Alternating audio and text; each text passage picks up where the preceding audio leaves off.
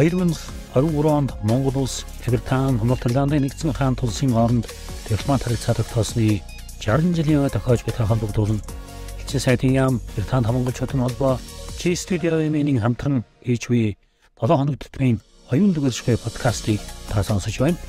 Подкастын зарлал нь Британи улсад ажиллаж амьдарч буй үеийн монголчуудын төлөөлөл Монголтой холбоотой томилбарын үйл ажиллагаа явуулдаг Британийн иргэдийн төлөөлөлтэй ярилцаж тэдний мэддэг төрслөхөөс өдөрч сонсогчтойгоо хуваалцахад.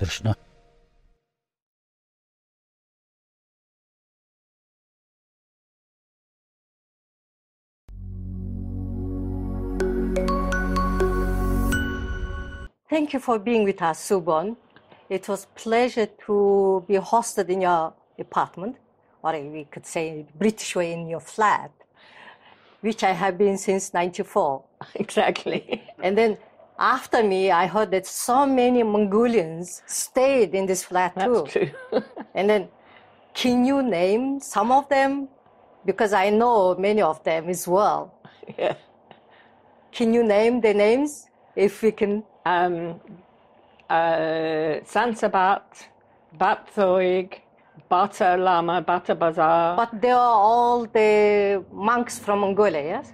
Me- But just before Christmas, I had Bumocha Dulam and his son stayed here. Um, and yes, many of the monks, Biambajav Lama, um, he stayed here for a short time. Uh, so I've had, yeah, and my family, the family that I'm very fond of in Mongolia, they came in 2018, five of them. But you sort of adopted Mongolian family. Since when you have been this Well, Mongolian I first family? stayed with Jargal Saihan in 1995, and her son came to stay with me in, I think it was 1997, to learn English. And he stayed for uh, six months.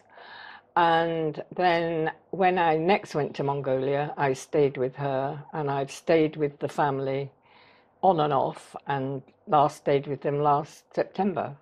That's great. Yeah. But let's go back. When you started traveling around the world, Yeah. you have been all over the world, but how you became attached to Mongolia and almost every year you have been traveling to Mongolia. Well, I don't know. I had a dream along, uh, not a dream, but a kind of thing that I used to go in my mind to a place which was a big, wide open place um, with lots of grass. And I was living in the middle of it. And I thought, how wonderful to be in this wonderful space away from everybody. And then in 1990, I heard about the Kalachakra and I maybe go for that, but that didn't work. And then um, Phuntsog Wangyal at Tibet Foundation um, said that he would send me to Mongolia. And so I went to Mongolia. And that was 1993. And at that time, Mongolia was just coming out of the communist period Yes. and Buddhism was reviving with a great rush in one sense. But I was also aware of the great longing of the older monks to get the monasteries back, to get the young monks, and to get good quality teaching for them. And I just felt I was in this amazing situation um, in my life where I had an, an opportunity to be in a country when it was going through such profound changes and be in the heart of one of the aspects of it, not the only, there's many other things, but uh, and I had extremely privileged access to the senior Buddhists in the country. And then it was up to me to show the Mongolians that we would put our money where our mouth was, that we would actually do what we said we were going to do. I remember one story that you told to me some years ago. You asked, you were traveling to the countryside and you asked Mongolians how many flowers in that steppe. Oh yes, yes. Can you tell that story Yeah, to us, we were, please? We were in um, Lake Hovsgol area, and I was traveling with a monk, and um, because of that, we were able to stay in actually an army in, army uh, resort, and. Um, one day I said to the to the um, army head of the resort, how many flowers do you think there are in this enclosure? And he said, oh, maybe two or three. So then I made it a game and I, all the people who were there, I said, how many for you? How many? How many? So I said, okay, I'm going to go outside for two minutes and I will collect flowers and I will come back. And I came back and I think I had something like 31 flowers. The closest was Sansabat Lama, mm-hmm. and he had 20. He guessed 20. So they said, We never look at the flowers. We'd no idea about them. I think we are too just given that we know that, but we do not really carefully look for it. Yes. And I said to them, if you want Westerners to come and mm-hmm. stay in your resort, tell them about the flowers and tell them, because then when we went walking, I collected more. And I said, look, there's many more, that, and people from the West would just love this. That's great, but okay, you collected the flowers, but beginning of 2000, you started the project about uh, um, collecting data of the Mongolian monasteries. Yes. And it took for many years to finish it. Yes. What would you tell us uh, about that project? Okay, yes. Well, um, when I first went to Mongolia, the, the, the second time, uh, 1995, His Holiness the Dalai Lama came to give a Kalachakra. And I remember going into Dashachirling Hid, and there were some old monks, and they were holding his, um, his Holiness's hand. It makes me cry he, they were holding his hand and they were chanting, and I could see that these old monks desperately wanted their monasteries back, and that um, I didn't really know at that stage what the extent of the damage had been. And then um, Sonnenbaya Lama, who was the um, history specialist in Ganden Tegchenling, took me to the countryside, to Dundgovi Aimag, to Govuk Tolsum, and he said, I want you to see the revival of my monastery. And I saw a little hut and a, a ger, and that was their revival. And I said to him, But I'd like to see where your monastery was before. And he said, There's nothing to see. There's nothing to see. And I said, I'd like to see nothing. He said, No, no, there's nothing. And I said, Well, I think people in England would be interested to see what happened.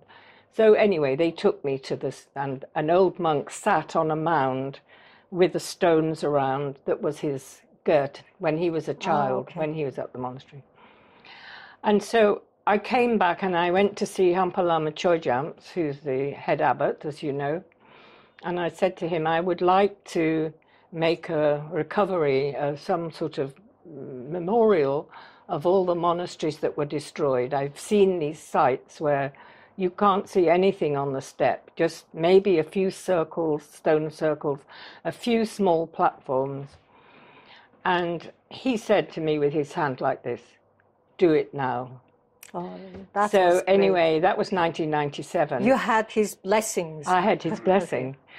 And um, in early 2000s, I met an American, Pete Morrow, who had actually made a proposal for this project, and um, they hadn't got the money. And then I met a Dutchman, Guido Verboom, and he was very keen to do it. So we got together and we said, I said to Pete Morrow, whatever happens, we will do this project. Then we needed a Mongolian partner, and um, Guido was working already with the Arts Council of Mongolia. So I went to see the wonderful Ariunaa, Ariunaa Tserenpil, and explained the project to her, showed her what we'd been doing, how much data we already had.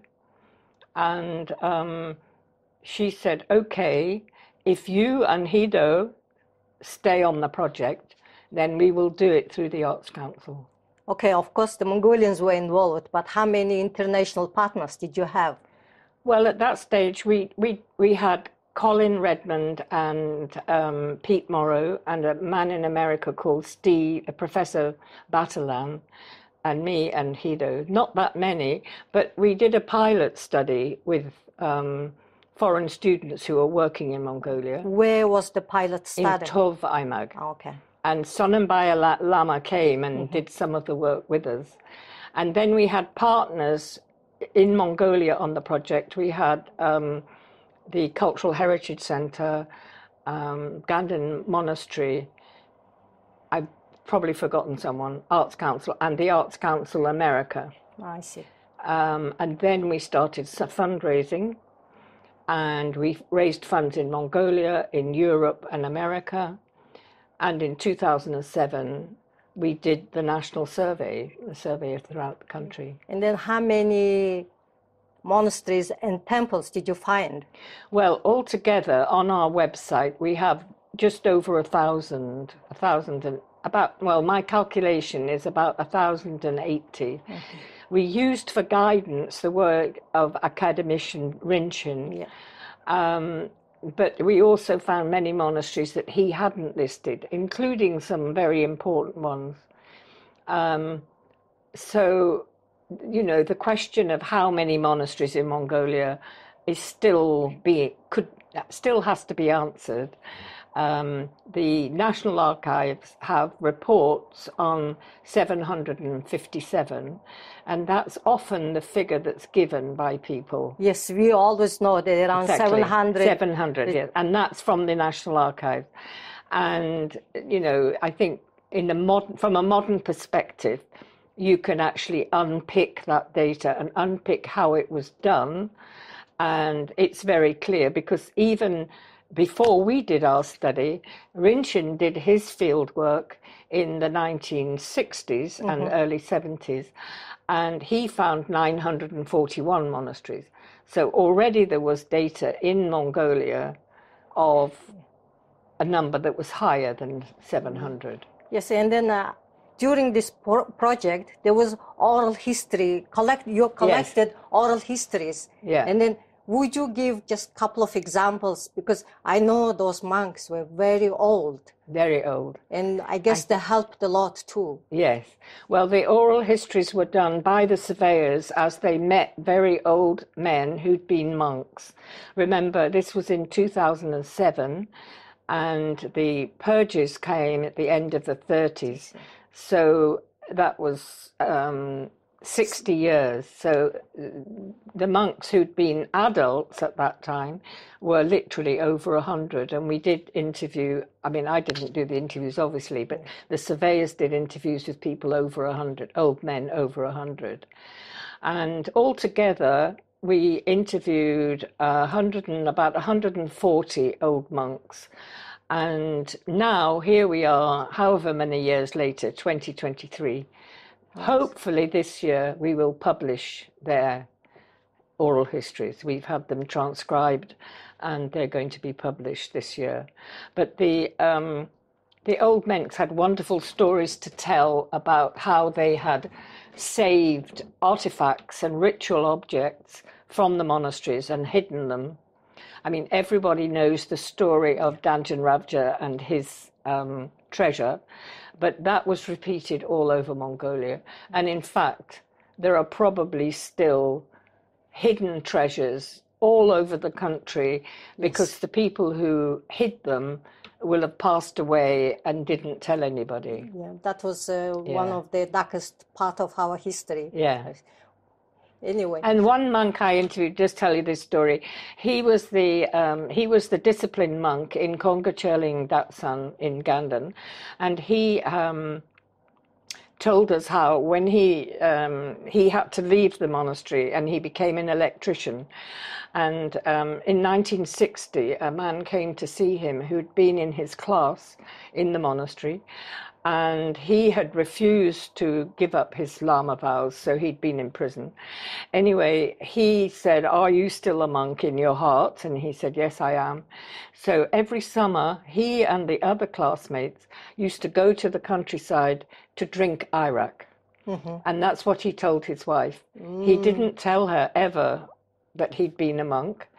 And he would go to the countryside and drink arak, but they would actually do the ritual practices from their temple within Ganden.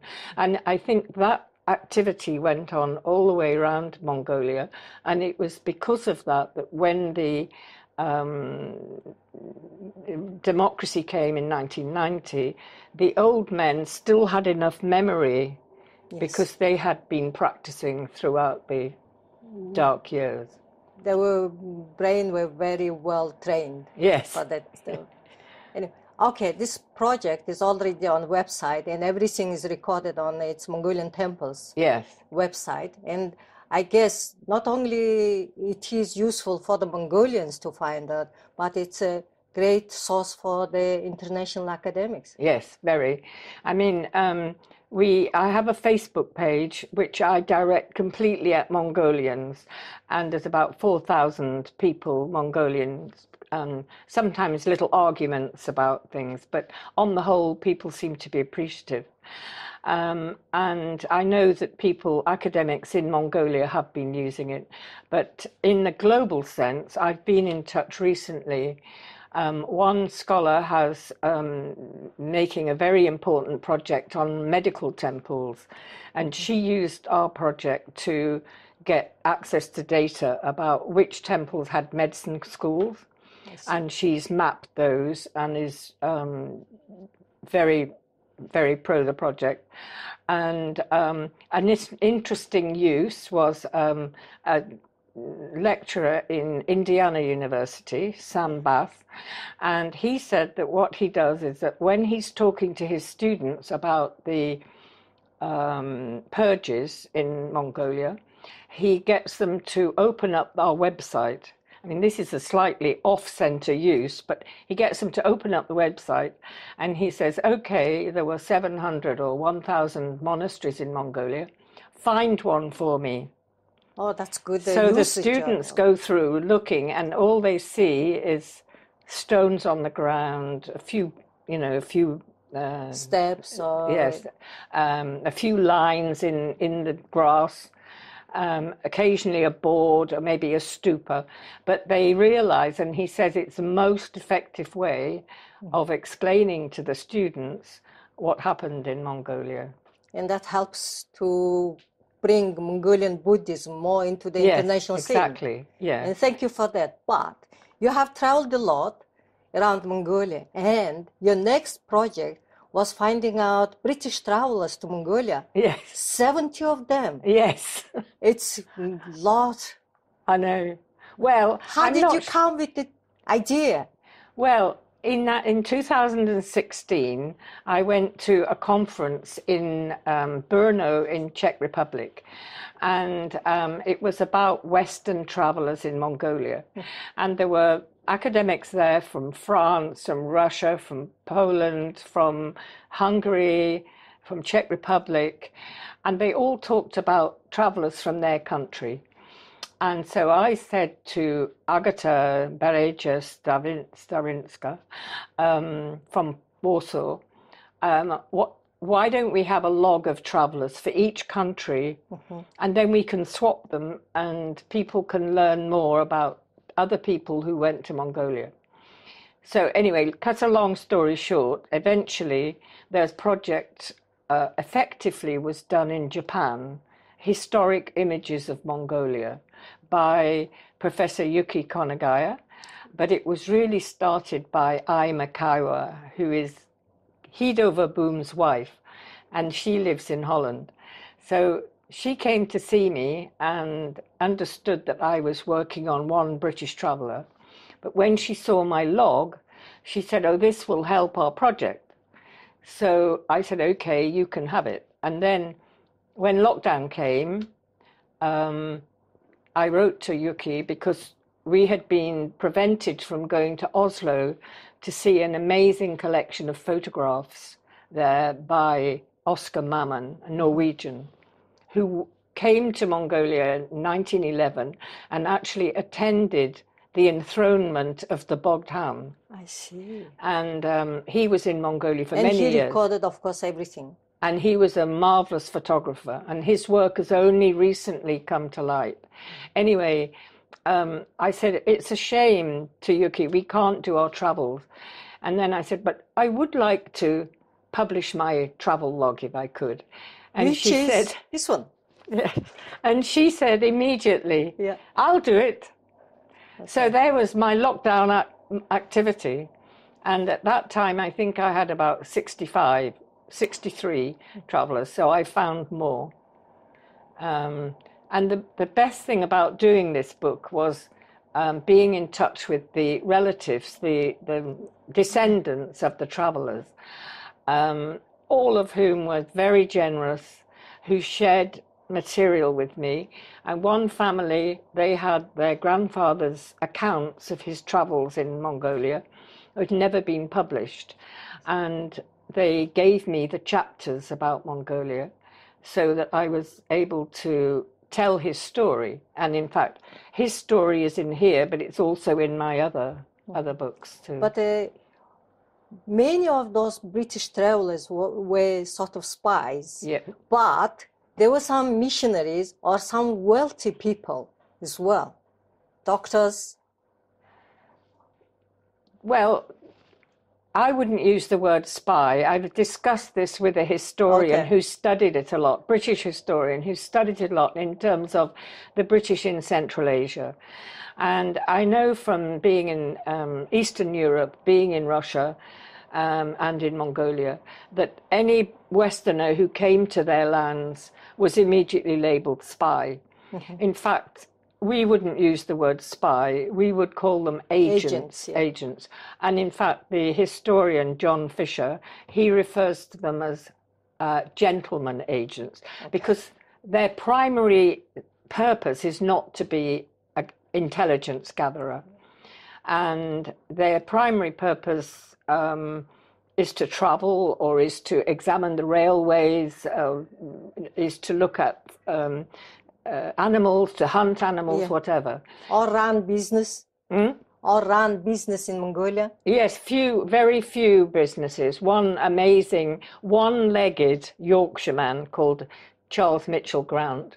He went to China in, um, we think, 1850s, and this was around the t- time of the Treaty of Tianjin, which um, the British made with the Chinese under Opium duress, the British and the French, and um, one of the consequences was that the um, Chinese authorities had to open up what were called the outlying parts.